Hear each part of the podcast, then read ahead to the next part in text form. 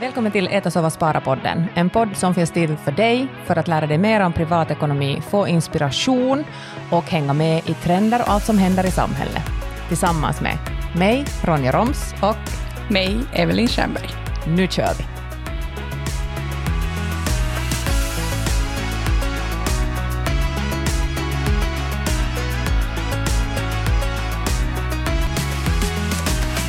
Hallå! Här sitter vi i studion. Här sitter vi nu. God morgon, god morgon ska jag säga. Jag märker jag har lite ännu sån där Morgon. morgonröst, men jag har hört att det är sexigt med lite så här Whiskybass. whiskybass, så, så alla får njuta där hemma. Vi har ett litet problem. Nå, Och det lilla problemet är det att jag kommer ju inte en gång kalla dig Evelyn. nej, Nej. det är helt okej. Och folk kommer ju bara få måste förstå då att när vi pratar om Eve Ja, så är det samma sak som Evelyn. Precis, det var hon med whiskyrösten. Det var hon med whiskers. Ja, Hur precis. känns det att vara med i Äta, sova, spara-podden nu då? Det känns eh, lite pirrigt. Jag trodde inte att det skulle vara pirrigt. Men här sitter vi nu och är lite pirriga tillsammans. Men det borde ju inte vara så hemskt pirrigt för dig, för du har ju ändå gjort podd tidigare. Jag har gjort podd tidigare, men för det första, nu ska vi prata pengar. Det har jag inte brukat prata om, utan det är lättare att prata om mig själv eller vet du vad jag känner, så här. Ehm, och sen är det ju det, nu, nu är det ju liksom en helt annan publik, och jag vet ju inte vad de tycker om mig. Och det här så man kan överanalysera. Ja, precis. Det här kan jag sitta och tänka på ikväll. Att vad tänker människor nu om mig när jag är här och pratar om pengar?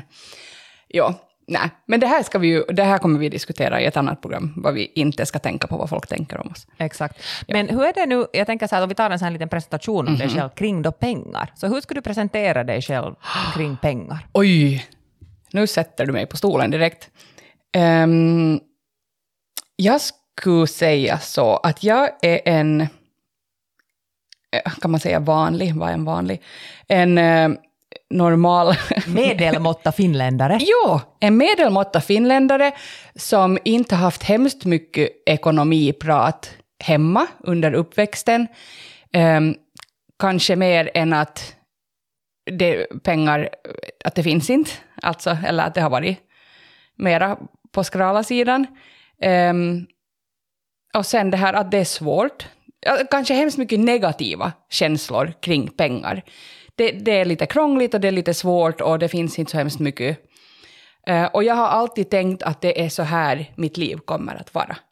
Liksom, det ser likadant ut och det har inte ens funnits alternativ eller möjligheter, utan det som det är för mig, det är att du har ett jobb du går till, troligtvis ett eh, ganska lågbelönat jobb. Och det är den lönen du får och där är det. Ehm, men sen eh, fick en sån här awakening. Det var en sån ah, Någon sjöng moment. och lampan tändes. Så var det. Alltså det började... Hur, hur långt kan jag dra det här nu? Vi tar en riktigt snabb version. Eh, Jag utbildade mig till eh, coach och sen började jag gå på eh, Nice Tacomos eh, evenemang. Så de här sakerna ihop väckt någonting hos mig som jag började...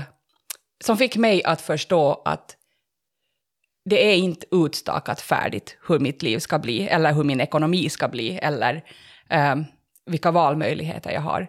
Utan att, det, att jag har så mycket kontroll i mina händer som jag inte har gjort något med. Jag har stått bara och tittat, vad hämtar livet åt mig? Och nu har jag äntligen kommit dit att jag hämtar saker åt mig själv. Mm, precis. Och jag tror ju att det är så där att för alla som kommer från, en, vi har ju en otroligt likadan äh, vad heter det, bakgrund du och jag. Vi har liksom föräldrar till och med inom vet du, så här, typ samma bransch. ja. så vi är liksom verkligen, verkligen liksom så här. Men för alla så kommer det ju, just om det kommer, så kommer det en sån här uppvakning och man inser att okej, att jag kan faktiskt ta i sakerna själv. Och jag kan faktiskt styra själv. Sen kan vi ju också avslöja att, alla, att vi är släkt. Och det är vi dessutom. Dessutom ja. det. Så Ja. nu sitter vi med släkten här i studion och i Ja. podd dessutom. Ja. Men vi har ju inte påverkat varandra. Vi har ju Absolut inte hängt vet du, som vänner eller träffas liksom. Nej. Utan vi har haft en likadan, Bana. ja. Du var lite före, jag kommer lite efter. Ja, men det är ju fint det. Ja, jag menar, det spelar ju ingen roll bara man kommer. Så är jag. det. Så länge som man liksom far framåt. Precis. Ja, och nu att, när jag jämför också med våra föräldrar då, vi har ju jättebra möjligheter. Vi har all kunskap, vi, har, vet du, vi kan så lätt ta kontakt med andra och vet du, socialisera och skapa nätverk och alltihop. Vi har allt i våra händer. Så liksom vi har chansen. Folk, kom med, kom med och gör det. Ta kontakt om ni är intresserade. Exakt. Vad var din första så här ekonomiska eller ekonomidiskussionsbok eller vet du, podd? Eller vad, vad började du liksom på den biten? Eh, podden var ju Äta, sova, spara. Men det är ju lite roligt. Ja, att det är roligt. Här. Här, sitter jag nu. jo, faktiskt. Eh, det, det var absolut den, och där började allt. Det var där det satte igång, och därifrån fick jag ju också tipset sen om den här boken, eh, Robert Kiyosakis bok, och den ska vi prata om dessutom idag. Men det var den första boken. Mm. Och det är ju en klassiker, eller alla hans böcker det finns ju Cashflow Quadrant och Rich Dad Poor Dad, men det är ju en klassiker, de är alla klassikers och de går ju egentligen igenom grunderna. Jo, och jag tror eh, på något vis, där är ganska starka sådana här åsikter eller sådär, men jag tror att det är en jättebra början just för att få det här uppvaknandet. att ah, man kan titta på saken eh, på det här sättet. Och, och hur han hade just de här två, som en typisk eh, anställd förälder och sen den som skapar sin egen rikedom. Att liksom att se, få se den skillnaden och väcka det tankesättet hos sig själv. Att inte bara se den där ena delen. Och vad är, det, vad är det som har blivit mest, mest sådär fast för dig från den här boken vi ska prata om idag nu då, från den här cashflow-kvadranten? Um, från kvadranten är det ju det att uh, ja, egentligen det att det finns möjligheter för mig i de där andra också. Att, I rutorna? I rutorna, ja. Där finns alltså i den här kvadranten är det fyra rutor, eh, olika sätt som man gör pengar. Eh, och för mig tidigare så fanns det ju bara den där ena rutan. Det var den rutan jag satt i och det fanns inga andra möjligheter. Att man var anställd? Man var anställd, jo. Och du fick den lön du fick och där var det. Om vi räknar upp de här olika kvadranterna så är det då Mm. alltså det att man är arbetstagare, eh, sen är man då småföretagare eller egenföretagare, sen är man storföretagare eller investerare. Så Mm. det finns alltså fyra stycken. Precis. Och de flesta faktiskt landar ju nog just i den här att man är ehm, anställd för att det är det vi lär oss och det är där vi liksom börjar. Precis. Och där, det får man ofta, eller åtminstone jag fick ofta höra att vet du, skaffa en bra utbildning, skaffa ett bra jobb. Det är den vägen. Mm. Och inte ens kanske alltid vet du ett bra, eller jo, man sa liksom bra jobb, men man menar ju så här en trygg tjänst som du kan luta dig tillbaka på. Precis. Skaffa ett tryggt jobb. Mm. Så att du säkert har en inkomst så att du kan vara duktig på jobbet och ge av din själ. Och så får du den där lönen så ska du vara evigt tacksam för att du får den där lönen och du ger allt av dig Precis. själv. Och du har ju en bakgrund dessutom där det här arbetet för dig gjorde att du blev utbränd. Där du faktiskt var den här uh, guldiga, morsiga, nuschiga, vet du, oj, lilla vet du, vännen som gav allt i ditt jobb och sen så slutade det liksom att man gick in i väggen. Precis. Så det är ju inte, kanske de lärdomarna vi har fått är ju inte kanske de som är hållbarast. Nej, det är ju inte. Och, och det blir ju lite, till exempel på det jobbet som jag hade då, att du går in och du tycker om det och du ger allt och du gör bra, men det har ingen betydelse. Att någon som står och sparkar sten får precis samma sak som du får. Och, och det, har ingen, liksom, det har inget värde på det sättet att eh, ingen ser den arbetsmängden eller den kvaliteten du ger utan det är skit detsamma. Och jobbar du slutet så jobbar du slutet och, och gör en Och, och ingen, ingen kommer liksom att klappa dig på axeln heller Nej. efter att du har jobbat dig i slutet. Nej. Nej. Och det här är ju nog ett problem i synnerhet inom lågavlönade kvinnodominerade Mm. branscher. Nu är du inom barn, barn, eh, vad heter det, barnträdgårdslärar, barn, Alltså inom skötsel, ja, barnvården. Ja, barnvården. Och jag har varit inom ungdomsarbete. Mm. Båda är sådana som är jättekvinnodominerade ändå sist och slutligen. Och, och helt samma historia här. Jag menar, jag får exakt samma lön som den som bara kommer på plats, öppnar en dörr och stänger en dörr och går hem och ger Mm. ingenting av sig själv. Precis. Och sen när du har jobbat då tio år så börjar du liksom inse småningom att det här är inte liksom värt det. Nej. Nej. Så då, då lockar det inte mer. Men skulle du säga, vad finns det för fördelar att höra i den här första kvadranten då, om man, om man är arbetstagare? Vad, vad säger du för fördelar? Eh, där är ju många fördelar. Eh, det är ju den här tryggheten. Och den är jätteviktig för många. Och jag säger inte alls att den inte är värd något, för den har varit också för mig värd jättemycket. Jag har inte varit färdig att våga utmana mig själv eller liksom ta risker på det sättet, utan det har varit viktigt för mig att jag vet, okej, det är precis så här det går till och det är precis den här pengen som kommer in. Um, och det är kanske människor som vill vara där hela tiden, för att det ger dem nattsömnen liksom, som de behöver och det känns tryggt och bra. Då är det så. Mm. Ehm, och sen har du ju allt, du har sjukförsäkring och du har kanske stöd på ett annat sätt. Om du har en bra chef till exempel, så har du ett bra stöd därifrån och arbetskamrater och det här. Så många fördelar finns där. Men också Ja och, sen, ja, ja, och sen tänker jag just det där att, äh, det som jag brukar lyfta upp när jag pratar med ungdomar om den här kvadranten, så är det där att, att är dina barn sjuka eller du är sjuk, så då får du vara hemma sjuk då några dagar och du, din lön Precis. liksom tickar på och, och, och det där liksom verksamheten så kallat och kan rulla utan dig. Medan sen den här nästa kvadranten då som är den här småföretagare, egenföretagare som vi kanske mer pratar om i Finland, så där är ju den där risken är just det att blir du sjuk så gör ingen ditt jobb, utan då liksom är du utan lön helt enkelt. Eller sen ska du ha helt sjuka försäkringar som kanske eventuellt betalar någonting. Precis. Att på något vis tänker jag att du är kanske mest utsatt som småföretagare, egenföretagare, eller jag Japp. känner på något vis Japp. åtminstone så. Ja. ja, det är ju liksom... Men jag, tror att det är det första naturliga steget som du går efter. Du söker efter den här friheten, att du vill göra själv, du vill visa att du kan göra bra och kvalitet på ditt arbete och du vill bestämma. Mm. Och jag tror att den största frihetskänslan kommer egentligen vid egenföretagare, småföretagare. Mm. För det är första gången som de flesta smakar på den där friheten. Att jag Precis. kan själv fundera, att vad vill jag göra en onsdag morgon? Vill jag istället fara med ungarna och skrinna med, med deras skolklass? Eller vill jag gå på jobb? Eller vill jag gå på lunch? Eller vill jag gå på frukost?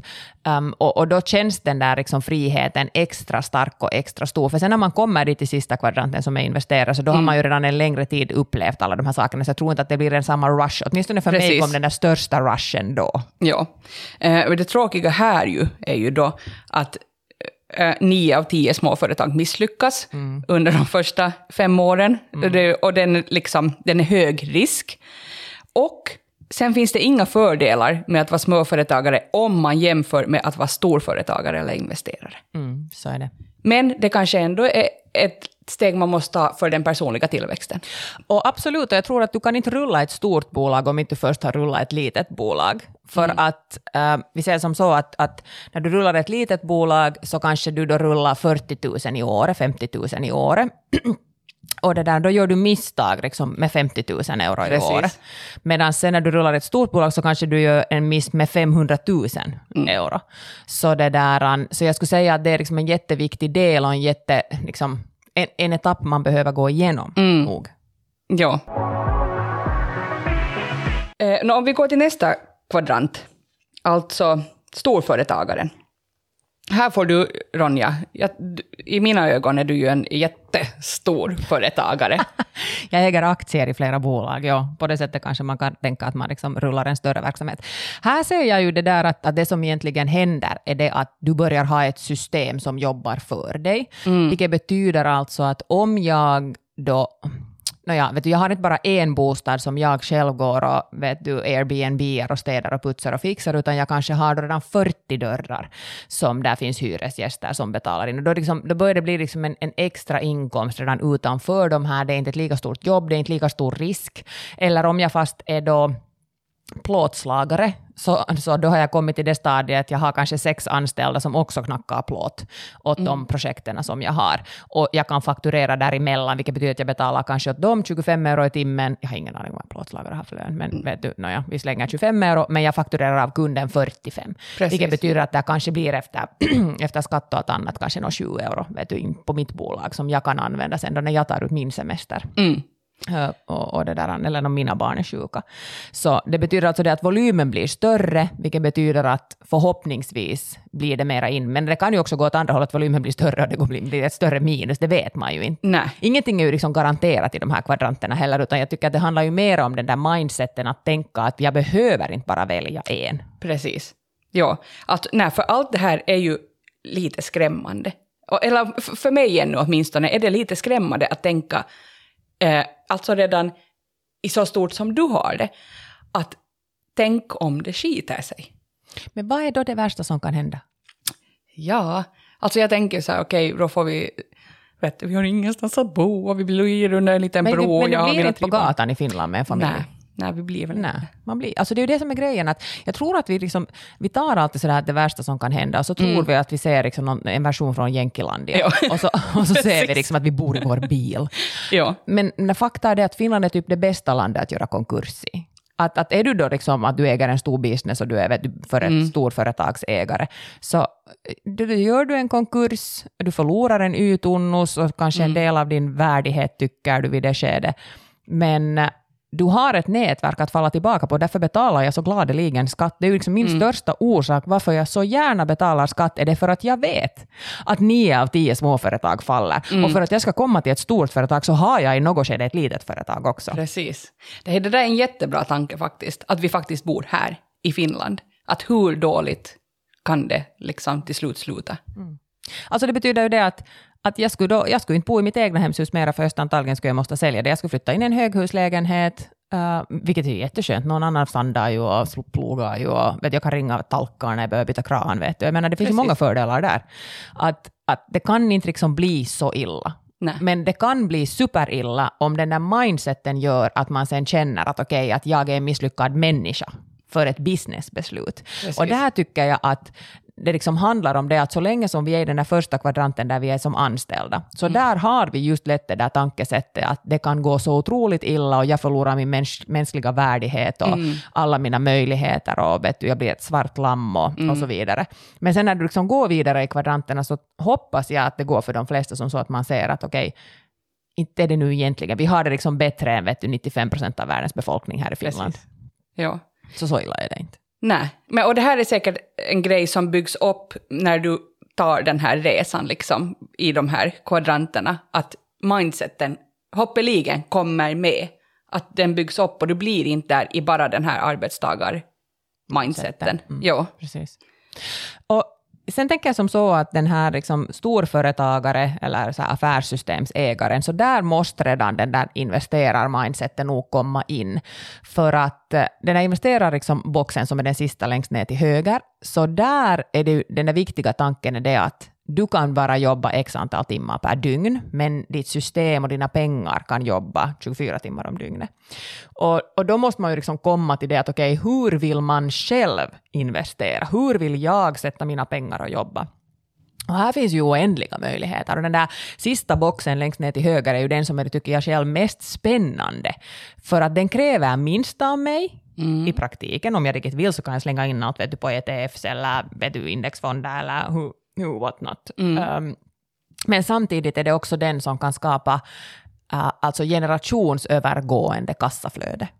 Alltså det, det är ju där den där, det är där den där liksom släktens, uh, hu- hur släkten mår, vad släkten har, det är ju där det ändras. Det ändras ännu inte på småföretagare. nej.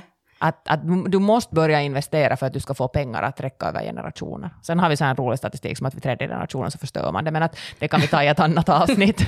Jo, du vill inte tänka på dina, vad blir det, barn, barns Barns barn som ja. förstör vad du har byggt upp. Nej, Nej, vi tar inte nu. vi, tar, vi tar inte nu, kan bli ledsen då. Ja. Men sen är det ju också så roligt att den där fjärde kvadranten, då investera-kvadranten, kan du ju egentligen också gå direkt till. Alltså som arbetstagare. Du kan direkt börja slänga in pengar på börsen.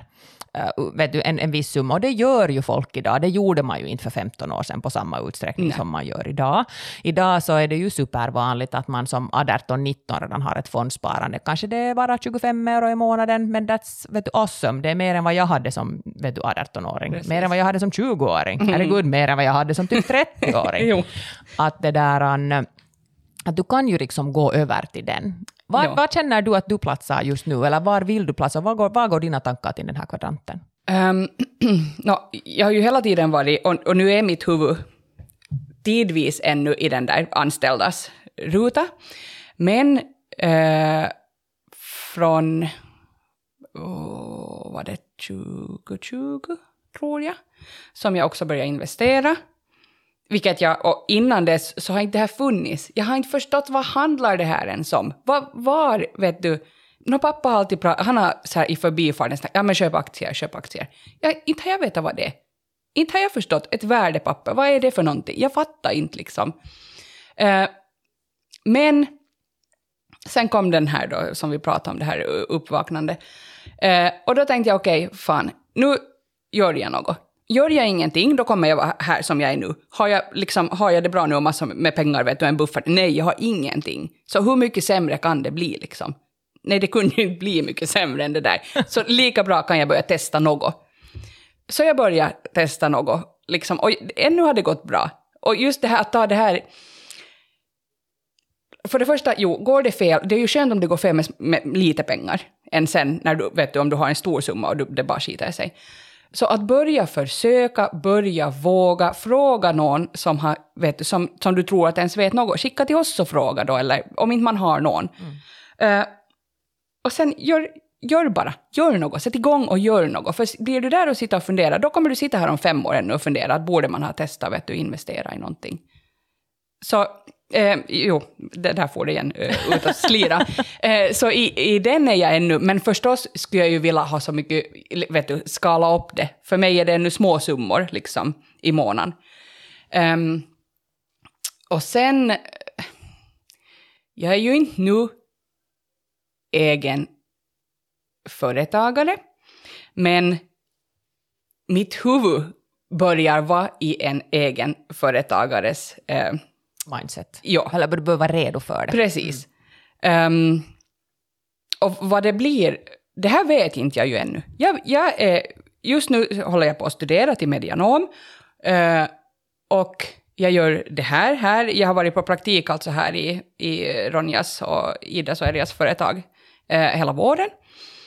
Um, och vad det kommer att bli, vad jag ska bli eller vad jag ska jobba med, det är ännu allt öppet. Och jag har fått liksom, jag, har vill, jag är en sån som skulle ha velat ha, vet du, det är det här anställda mindsetet. Jag vill veta, okej, okay, jag blir det här och jag jobbar där och det kommer vara så här och så här. Men nu har jag fått acceptera att jag vet inte. Utan vi ser. Nu går jag liksom ditåt som det, mitt liv liksom lite drar mig. Och här sitter jag nu. Mm. Och jag tänker som så att, att uh, det är ju just som man måste göra, att man måste ju bara välja liksom, att man går åt något håll. Mm. Men det är en stor, liksom, vad ska jag säga, så här, switch som liksom svänger i huvudet när du går från det här att okej, okay, att jag vill inte bara mera vara anställd. Ja. Jag vill testa på annat, jag vill stå ja. på egna ben, jag vill pröva mina gränser. Ja. Och jag menar, du kommer att pröva dina gränser i höst med vår, mm. vi kommer att dra en svensk coachning tillsammans, mm. du och jag. Eh, ni kan läsa mer om den där på najstockholm.fi, så finns den till salu för 199 eh, kan ni ta en egen plats åt er. Och vi träffas via Zoom, så det spelar ingen roll var i Finland eller världen, vad vet Precis. jag, vem som lyssnar, var mm. någonstans du är. Och, eh, och jag tycker ju själv som så att att jag önskar att jag skulle ha kunnat testa vet du, lite i taget. Mm. Jag testar ju förstås via bostäderna nog. Jag mm. menar, jag köpte en, köpte åtta och så här och då var jag liksom i ett heltidsarbete hela tiden. Mm. Men sen när det kommer till de här coachningarna och vet du, afterworken och allt annat som man har börjat göra så på något vis, det kom corona vet du, allt annat mm. sånt här skit som, som ju gjorde att det, det begränsar ganska mycket. Men det där med att jag önskar att man skulle ha haft en, en sån möjlighet att kanske testa sig fram. Mm. Och, och, nu är det ju sådär roligt, för att nu har man ju kommit till det mindsetet att man, man ser möjligheter överallt. Ja.